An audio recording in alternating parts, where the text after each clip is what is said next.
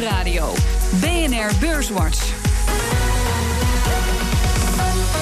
Jelle Maasbach. Welkom bij Beurswatch, het enige beleggingsprogramma op de Nederlandse radio... met vandaag Koen Bende van Mercurius Vermogensbeheer... en Jos Verstegen van Terdo Gillissen. Heren, welkom. Beleggers die kijken wat bezorgd naar de Verenigde Staten. Opeenstapeling van slecht nieuws daar. Twee economisch adviesraden zijn opgezegd. Een nog op te richten raad zou zijn gecanceld. En als klap op de vuurpaal topadviseur Gary Cohn, die zou weg willen. Ja, uh, Jos, Wall Street omlaag gisteren, de Japanse beurs naar beneden. De AEX heeft onder meer met die ontwikkelingen in Amerika te maken. Snap jij die reactie uh, van beleggers over die problemen in, uh, in Amerika? Eigenlijk niet, want waarom, waarom nu en waarom niet twee dagen geleden... toen hij dinsdagavond uh, die, die hele bizarre persconferentie hield.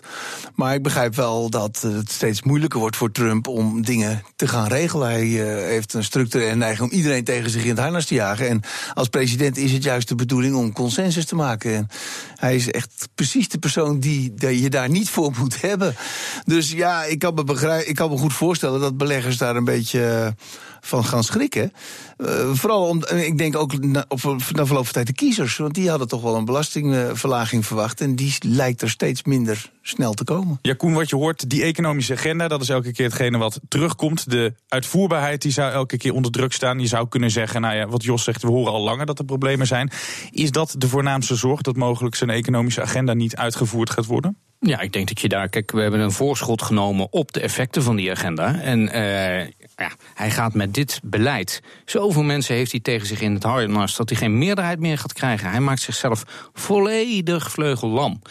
En ja, dan kan, dan kan het niet anders dan dat je uh, moet zeggen: van, Nou, er gaat dus voorlopig helemaal niks gebeuren. Want uh, je krijgt weer een padstelling in Washington.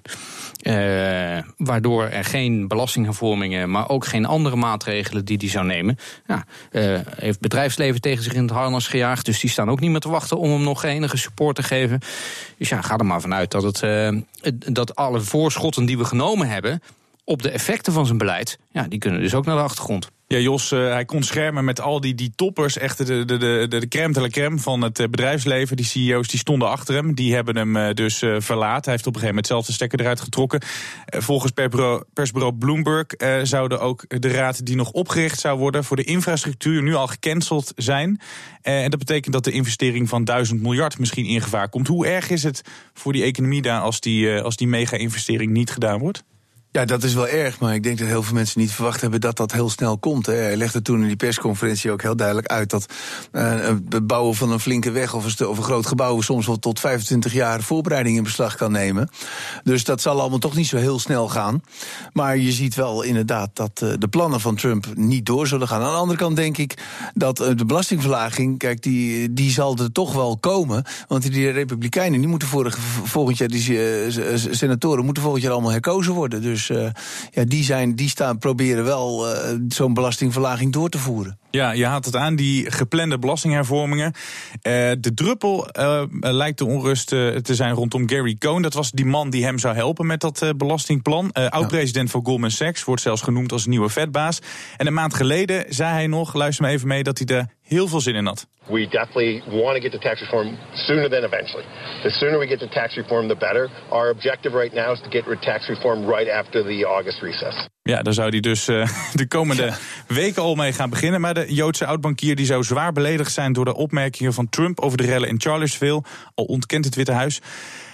Hoe erg zou het zijn, Jos, als deze man uh, zou opstappen? Ik denk dat het dan de kans dat het escaleert nogal groot is. Want Gary Cohn heeft behoorlijk veel invloed op uh, Trump. Hij heeft hem onder andere aangepraat dat hij eens een keer op moet houden met uh, steeds commentaar op de vet leveren. Want de vet moet onafhankelijk zijn, is heel belangrijk. En dat schijnt dat Trump daar wel naar geluisterd heeft, inderdaad. En, uh, dus ik zou het wel, ik zou, ik zou het behoorlijk jammer vinden als hij als die opstaat. Trump en Munich, of sorry, die Gary Cohn en, en Steven Munich, dat zijn eigenlijk de twee toch wel de, adviseurs en ministers die waar het kabinet op drijft. Dat zijn mensen met goede plannen en mensen waar ik vertrouwen in heb. Ja, in de vers zegt zelfs een deskundige Koen... het is de enige link die Trump nog heeft met het bedrijfsleven. Als hij weggaat, dan crashen de markten. Nou, dat, uh, in ieder geval reageren de markten er heel heftig op. Uh, op vrijdag zag je de, de markt in eerste instantie min 100 punten. En op het uh, gerucht dat Steve Bannon, heel controversieel man, zou vertrekken, herstelde die markt weer. Dus je mag ook inderdaad verwachten dat op het moment dat, dat, dat echt de ankerpunten voor de markt wegvallen, ja, dan, krijg je helemaal een uh, loose cannon. En dan kan je daar een reactie in zien, ja. Dat is de Verenigde Staten. Hoe vertaalt zich dat naar de Amsterdamse beurs? Wat zou er dan hier uh, gebeuren als zo'n uh, zo'n topper het kabinet verlaat? Uh, dan krijg je een effect in de dollar, waarin de dollar uh, zomaar uh, nog weer een heel stuk van zijn waarde kan verliezen. En dat heeft op een aantal bedrijven in, Amer in Amsterdam natuurlijk effect. Hè. Dus met veel omzet uit de VS. Ik denk dat dat ook een van de redenen is waarom je vrijdag misschien wel wat meer correctie zag bij een, bij een Egon dan bij anderen. puur vanwege hun positie in Amerika. En, en de effecten van de, ja, de overhang van de Amerikaanse markt van donderdag. Ja, die Ameri de, de, Nederlandse bedrijven die dus een exposure naar Amerika hebben. Jullie zijn daar eigenlijk allebei wel over eens. Die Gary Cohn is maar beter als hij daar uh, ja. bij Trump blijft. Jos, wordt hij nog de kan nieuwe... Kan hij geen president worden? Kan hij geen president worden? Ja, dan moet hij misschien nog even een paar jaar wachten. 2020. Kan hij de nieuwe vetbaas worden, Jos, nog steeds? Ik las vanochtend in de Wall Street Journal dat Trump het inderdaad ook gezegd, Trump het inderdaad gezegd had dat hij uh, Gary Cohn wilde voorstellen. We moeten nog maar zien of hij dat ook uh, werkelijk gaat doen, want dat weet je nooit bij Trump. Maar ik denk, denk dat dat wel een goede voorzitter zal zijn. We hebben de afgelopen jaren, tientallen jaren, uh, nogal wat uh, ja, ivoren toren-economen gehad bij, bij, bij de Fed. Die eigenlijk ja, weinig ervaring hadden met hoe grote problemen er zijn in de financiële markten. Om te werken met die enorme lage rente. Dus je hebt kans, als uh, Gary Cohn daar komt, dat hij misschien toch geneigd is om wat, eerder. Hij kan natuurlijk niet in zijn eentje. Maar toch wat meer druk op, de, op het FOMC te zetten. Om ja, de rente toch wat sneller te normaliseren. Dan nu het geval is. We blijven eigenlijk uh, even uh, bij, nou, ik wilde zeggen bij Trump bij, in Amerika. Niet aangesloten bij Trump, maar wel flink in het nieuws deze week. Charter, de kabelreus uit de Verenigde Staten, zou namelijk in de belangstelling staan van Altis, die notering heeft uh, op de Amsterdamse beurs. Koen, er was een beetje sprake van, ik kan zeggen, een soort van Unilever scenario. dus investeerders zouden helpen uh, Altis uh, te hulp schieten om die overname te doen. Een beetje wat Kraft Heinz ook uh, nodig had toen ze Unilever wilde kopen. Hoe realistisch is het dat zo'n ja, zo'n kleine speler Charter gaat kopen? Ja, heel, heel realistisch. Want Charter heeft zelf een hele grote overname gedaan uh, die hebben namelijk anderhalf jaar geleden uh, Time Warner gekocht. Uh, dat was een, een, een, vergelijkbaar scenario. Een, een, klein duimpje wilde uh, de grote jongens kopen. Dat hebben ze gedaan met hulp van John Malone, de, de kabelcowboy in de Verenigde Staten. Die 20% heeft van Charter via Liberty Media. Maar tegelijkertijd wilde toen ook al Altis dat Time Warner kopen. En als je maar voldoende financiering bij elkaar kan krijgen. En dat lukt alleen als je een hele goede reputatie hebt onder mensen die die financiering moeten verstrekken. Ja, dan zou het kunnen lukken. Dan zijn er ook nog wel andere factoren die er meespelen. Maar ik denk dat Altis in ieder geval een hele goede reputatie heeft opgebouwd. Met het snel terugbouwen van, van uh, de schulden. En het verbeteren van de marge van de bedrijven die ze gekocht hadden dus uh, ja, ik denk wel dat het een heel realistisch scenario is. Zes keer de beurswaarde. Uh, is het niet ongeveer dat ze daar in de, de boardroom meer een M&A-afdeling aan het worden zijn dan een Kabela? Want ze zijn wel echt een overnamemachine. Ja, dat waren ze al. En uh, ze zijn heel duidelijk geweest over hun ambities. twee jaar geleden heeft Patrick Draghi al, al gezegd dat ze 50% van hun omzet uit de VS wilden halen. Nou, dan, dan zul je er nog wel bij moeten kopen. En er zijn twee hele grote spelers. Dus Comcast uh, nummer 1 en uh, Charter nummer 2 met 17 miljoen abonnees. Terwijl Altis USA er 4 miljoen heeft. Dus ook daarin praat je over vijf keer zo groot. Maar het kan wel. En dat hebben ze eerder laten zien. De vraag is alleen, John Malone met 25% belang in Charter... wat hij net gekocht heeft, is die al bereid om... Eh, te verkopen en toekomstige stijgingen te laten liggen bij Altis. Dat zal niet het geval zijn. Dus de vraag is: wil hij de boel de sleutels overdragen aan uh, Patrick Drahi, die vroeger voor hem gewerkt heeft, mm -hmm. notabene, uh, om dat belang verder te laten groeien. Ja, Jos, waar even geen overname gedaan wordt, dat is op Nederlandse bodem. Axo Nobel. Er kwam deze week weer vrede tussen Axo Nobel en Elliot, de groot aandeelhouder. Ze beloofden om voorlopig geen rechtszaken te voeren de komende drie maanden. Er komt dus wat meer rust. We spraken jou er van de week op BNL over. Toen zei hij, ja, PPG komt uiteindelijk terug, want het is een goede tactiek van Elliot. Zou dat al aan het eind van het jaar zijn dat jij alsnog uh, PPG terug ziet komen? Nou, ik denk dat ze wat meer tijd nodig hebben. Als die commissaris, de nieuwe commissaris er zit. Ik weet niet precies wanneer Anthony Burgmans weggaat. Ik dacht volgend jaar. Begin volgend jaar. Begin volgend jaar. Ja, het heeft allemaal wat meer tijd nodig. Ik denk dat ze wat meer uh, buiten de pers om gewoon in, uh, op de achtergrond willen gaan werken. En de geesten wat op een of andere manier toch rijp maken om zo'n verstandige zet te gaan doen. Het heeft denk ik tijd nodig. Ik schat twee, drie jaar. Volgens mij hebben ze ook twee, drie jaar geleden de eerste poging gedaan. Dat, dat lukt niet in een paar maanden. Dat heeft echt tijd nodig. Je kan niet zeggen. Axel heeft gewonnen of Elliot heeft gewonnen. Nou ja, Axel heeft in verre, zoverre nu wel gewonnen dat ze Elliot overtuigd hebben dat ze eens een keer op moet houden met die beschadigende rechtszaken. Want dat is natuurlijk niet goed. Het is slecht voor het imago van Axo. Alsof ze een stelletje criminelen zijn. Dat wil je natuurlijk niet. Dus ik vind dat wel een goede zet dat ze Elliot stil hebben gekregen. Heel kort ook het aandeel ging daarna uh, omhoog. Snap jij dat beleggers er ook wel tevreden mee waren met deze stap? Ja, ik denk het wel. Dus je, je, dus het is beschadigend, het is slecht voor iedereen. Dus het is, het is mooi dat het opgelost is. De witte broodsweken zijn voorbij voor president Macron. De beleggers zijn die eigenlijk nog wel blij met deze politicus... en ook alle Nederlandse bedrijven die met cijfers kwamen deze week. U hoort het zo in Beurswatch. BNR Nieuwsradio. BNR Beurswatch. We gaan het hebben over alle Nederlandse bedrijven die de boeken openden deze week. En over de eerste paar werkmaanden van president Macron. Dat doe ik nog steeds met Koen Bender van Mercurius Vermogensbeheer. En Jos Versteeg van Theodor Gillissen. Maar voordat we dat gaan doen, nog even een korte stand van zaken. De AX sloot deze week net iets onder de 520 punten. Een plus van een half procent. Stijgers. Op weekbasis de drie aandelen die het sterkst stegen. Galapagos aan kop ruim 5% erbij. Op 2 Unibil Rodamco 2,7% in de plus. En Randstad op 3 ruim 2%. Midcap aandeel dat het best presteerde deze week was Wesane met een plus van 0,7%. Dalers. Dalers.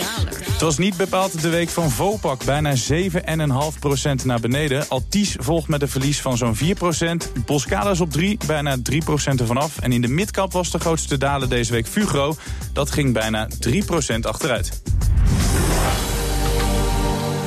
Jos, TKH Group, NN, Boskalis, Vopak, Heijmans. Het zijn heel wat namen. Dat waren zo'n beetje de meest belangrijke bedrijven die met de cijfers kwamen. Wat was jouw favoriet als je de een zou mogen uitpikken? TKH, eh, dat was een, eh, een, grote teleurstelling.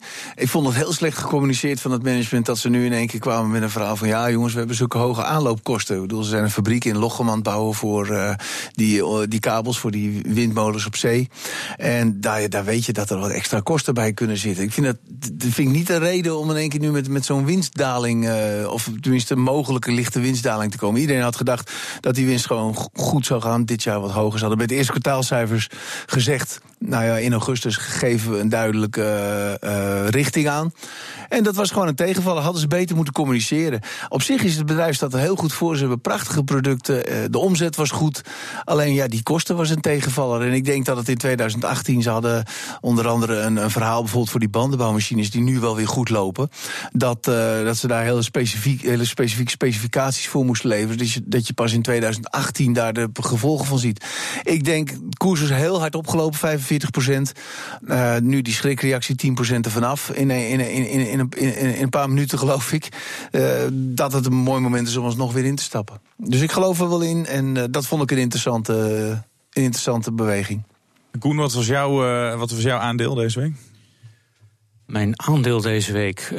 Dus dan mag je nog kiezen als ja. we TKH groep niet nemen uit Verzekera en N, Boskales, Vopak of Heijmans. Uh, nou ja, ik, ik vond uiteindelijk uh, Boskalis wel een uh, bijzondere reactie. Uh, toch cijfers die, die ook daar wel teleurstellend waren. Maar een orderportefeuille die wel goed groeide. Waardoor het, het, commentaar dat ik er s ochtends bij bedacht had... dat er wel een sleepboot voor de cijfers mocht... overroeld werd door de markt met een, met een goede stijging beloond. Maar toch nog per saldo voor de week wat die lager. orders sprongen er wel echt uit, hè? Want voor de rest hadden ze het gewoon nog steeds, wat we weten... die markt, ze hebben het gewoon lastig. Ja. Maar die orders waren toch wel toegenomen. Ja, en dat, dat is dan knap dat je het uh, daar wel weet, uh, weet te compenseren. Uiteindelijk, uh, wat ze ook schreven in een persbericht, voor, de, voor de middellange termijn zien we heel veel ontwikkelingen die wel gunstig voor ons zijn. Waaronder global warming en een verhoging van dijken die daarbij moet komen.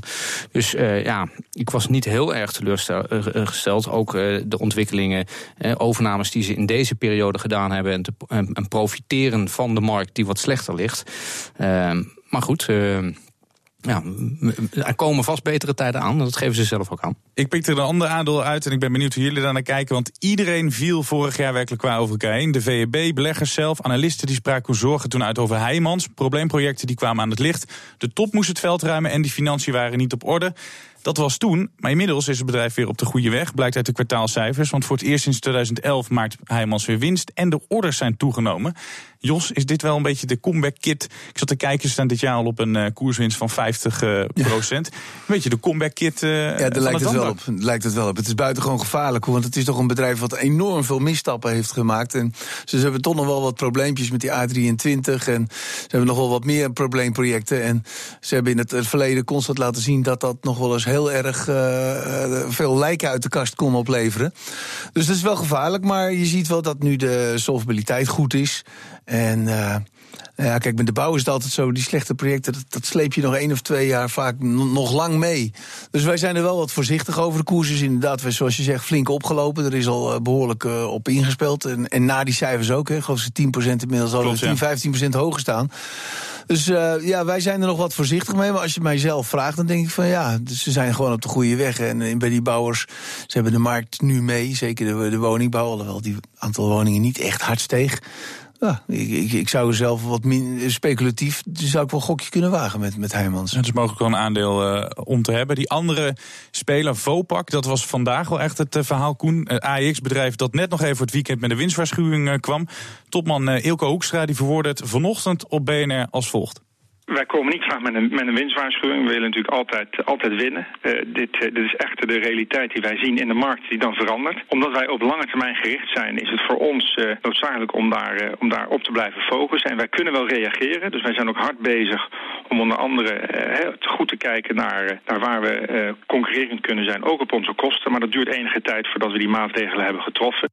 Ja, Koen, voordat ik naar jou ga, misschien uh, toch nog even blikken uh, op Jos. Uh, van tevoren, dat vond ik wel opvallend, waren de analisten die zeiden: dit wordt een recordjaar. Eh, het rapportje dat ik zag over Vopak, ze gaan het heel goed doen. Ehm, maar het was allemaal onder de verwachting. Dus de omzet liep terug, de winst liep terug. Die tanks zijn gewoon minder gevuld. Ja. Um, hoe kan het dat dat zo... Ja, je hoeft niet te spreken nee. voor collega-analist. Maar hoe kan het dat het zo uit elkaar loopt? Want aan de ene kant wordt er eerst uitgegaan van een recordjaar. En dan ja, uiteindelijk wordt het zo'n. Uh... Dan vraag ik me af of dat een record was. Ze hadden bij, de, geloof bij het vierde kwartaal al gezegd dat het best een moeilijk jaar was. Maar zeker, ik weet zeker, bij het eerste kwartaal hadden ze gewaarschuwd dat het lager zou zijn. De analisten, hè? dus niet ja. de top zelf. Ze hadden inderdaad... Maar het management had al wel gewaarschuwd dat het een moeilijk jaar zou worden. Dat kwam onder andere doordat die bezetting wat minder zou zijn. Hè. Ze hebben problemen met de stookolieopslag in, uh, in, in Rotterdam. Maar ze hadden ook een aantal activiteiten verkocht. Dus door deconsolidatie wordt het minder. En ze moesten flink gaan investeren in IT. Maar ja, kijk, met, met Vopak is het wel zo. Ze zijn nu weer aardig aan het investeren in, in nieuwe opslagcapaciteit. Dus op het langere termijn zit er toch wel weer groei in. Dus uh, ja, ik maak me er niet zo verschrikkelijk veel zorgen over. Ik vind het echt typisch wie zoiets van ja, een kleine blip in het toch wel hele lange track record van, uh, van Vopak. Ik moet zeggen, ik zou ze nu niet kopen. Ik vind ze nog steeds erg duur. Ruim 9% ervan af. Uh, ja, nog steeds. Maar ja, dat wel. Maar ja, goed, de, de resultaten worden dit jaar ook een stuk minder. Maar ja, ik, ik kijk er nu toch meer met koopogen naar dan uh, verkoopogen, zou ik zeggen. Ja, dan naar de wonderboy uit Frankrijk, Emmanuel Macron. Zijn overwinningsspeech uit mei was nog heel erg enthousiast. Tout le monde nous disait que c'était impossible. Mais ils ne connaissaient pas la France. Ja, applaus toen, maar de witte broodsweken zijn nu echt voorbij. Uh, Macron zat deze week 100 dagen op het hoogste politieke plus en zijn populariteit is op een dieptepunt beland. Slechts 36% van de Franse staat achter hem.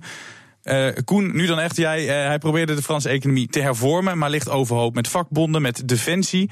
Uh, ook vanwege een baantje dat hij zijn vrouw zou willen geven. Hij zou haar first lady van Frankrijk willen maken. Gaat het hem lukken met zoveel tegenstand om, om door te pakken daar in Frankrijk? Um, nou, als hij het wil doorpakken, dan moet hij het nu doen. En eh, nou, of het gaat lukken, eh, daar ken ik het eh, Franse politieke systeem te weinig voor. Maar het is wel zeker opmerkelijk dat hij, hij moet op zijn rugdekking letten. Want als zijn populariteit zo ver uh, terugzakt in zo'n korte periode, dat komt natuurlijk ook door die impopulaire maatregelen. Ja, dan, dan, dan moet je zeker weten dat datgene wat je doet over twee jaar zijn vruchten al afwerpt. Want anders kun je meteen het Elysée weer verlaten. Ja, als je de populariteitsprijs wil winnen, moet je geen president van Frankrijk worden. Want dan komen ze meestal niet heel ongeschonden uit de strijd. Het was ook wel deze overwinning de grootste in de Franse politieke geschiedenis die we in 50 jaar niet hebben gezien. Daar moest ik ook even voor uh, spieken. Jos, je zou kunnen zeggen misschien wat te veel druk. Want ik weet nog dat Macron uh, toen werd gekozen. En financiële markten die reageerden heel enthousiast. Misschien ook omdat Marine Le Pen uh, het niet werd. Ja, nou, dat Hoe kijk je er als belegger naar, uh, naar deze man? Nou, het is heel belangrijk dat Europa op een positieve manier geregeerd wordt. dat er weer een Frans-Duitse as komt. Nou, Merkel kijkt er toch heel positief tegenaan. En Macron ook zeer duidelijk. Dus ik, ik, ik hoop nu dat er echt stevig leiderschap komt in Europa. Merkel heeft dat opgepakt. Niet uh, dat ze er erg veel zin in had, gaf ze altijd de indruk. Maar Macron wel duidelijk wel. Die wil echt de veranderingen doorvoeren in Europa, is sterk voor Europa. Dus ik denk dat dat uh, heel, heel erg goed is. En ik vind het alleen maar logisch dat uh, zijn populariteit terugvalt. Want ja, hij moet nu eenmaal een aantal heel impopulaire maatregelen nemen. Maar wel goede maatregelen voor het bedrijfsleven. Want die hervorming van de arbeidsmarkt, dat is gewoon een must. Ja? En, en als hij dat op de juiste manier aanpakt, dan gaat dat uiteindelijk ook veel meer investeringen opleveren. Als hem dat zou lukken, dat is volgens mij nog geen één Franse president nee, gelukt. Dat is, dan, dan moeten we de verwachtingen heel laag verleggen. Want dat is ontzettend moeilijk in, in Frankrijk. Het is toch bijna een communistisch land uh, als je het zo bekijkt. We hebben het er vaak over gehad met ja. de problemen uh, met uh, de piloten van Air France. ja. ja. Het is niet heel makkelijk voor een bedrijf om, om daar te zitten. Uh, we, zijn nu, uh, we hebben nu Europa weer gehad. Laten we toch nog even teruggaan naar Amerika. Want het heeft te maken met een uh, zaak die nu bezig is. Een aandeel dat ik nog met jullie wil behandelen is namelijk Foodlocker. Dat is op dit moment de grootste daler op de Amerikaanse beurs. 27 procent ervan af, maar liefst. De omzet in het tweede kwartaal met een paar procent terug. De winst uh, gehalveerd. Maar vooral de outlook is somber. En de topman zegt: We zijn duidelijk teleurgesteld over de resultaten. Koen, is het overtrokken deze reactie of terecht? Nou, het is. Uh, nou, ik begrepen heb voor het eerst in een aantal kwartalen dat die, dat die groei krimpt. Het is onverwacht, maar dat een topman zegt: uh, van, ja, we zijn teleurgesteld hierover. Ja, uh, sorry, maar dit, dit sluit een beetje aan. Uh, sommige dingen kun je zien aankomen en, en, en moet je eerder eerder waarschuwen, uh, denk ik. En uh, ik denk dat daar wel een. Uh, je, mag je als belegger in Foodlocker wel pootje gelicht voelen. Want dit is wel. Dit had gewoon wel eerder gecommuniceerd moeten worden. Waarbij we wel moeten opmerken, ook de aandelen die we net besproken hebben, de koersuitslagen zijn wel heel erg heftig als je even naast de verwachting zit. Dat is wel een dingetje wat ik de afgelopen weken inderdaad voorbij zie komen, Jos. Dan komt een bedrijf net iets onder verwachting of met een waarschuwing en dan zie je gewoon uitslagen boven de 10, soms wel 20 uh, het heeft met twee dingen te maken dat de volatiliteit nu hoger is, omdat uh, de vakantietijd is. Dus het is niet zo heel veel handel. Augustus is echt de, de grote vakantiemaand, zeker in, uh, in, in, in, Europa. Dat is één. Maar aan de andere kant ook, ja, de waarderingen zijn echt hoog. Dus ja, je, moet, je moet het ook echt heel goed doen, wil je de, de koers blijven liggen.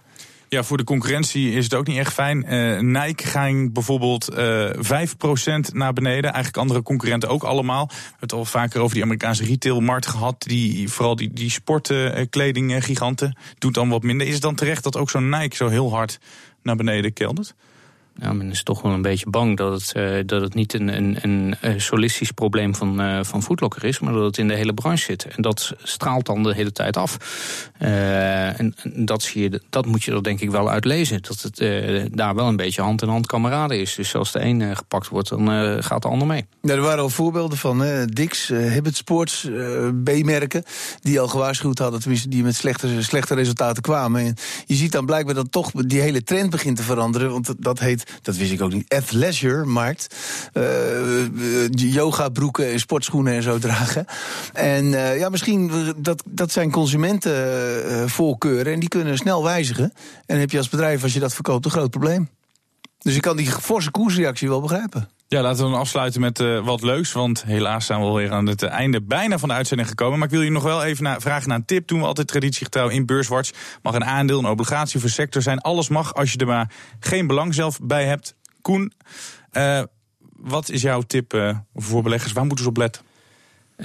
Nou ja, ik, ik denk, we hadden het er net al even over, dat uh, Altis wel wat met Charter gaat doen. Dus dat dat kansen biedt. Daar heb ik zelf geen positie in, maar onze relaties wel. En jij, Jos? Ja, ik zou in deze markt, uh, waarin de waarderingen hoog zijn, kan het nog een hele tijd zo doorgaan. Dus je kan best wel een mooi belang in aandelen hebben. Maar ik zou toch wel zorgen dat je nu geleidelijk aan wat cash in, om handen hebt. Van als het een keer terugzakt, en dat kan zomaar gebeuren. Het is heel lastig om dat te voorspellen.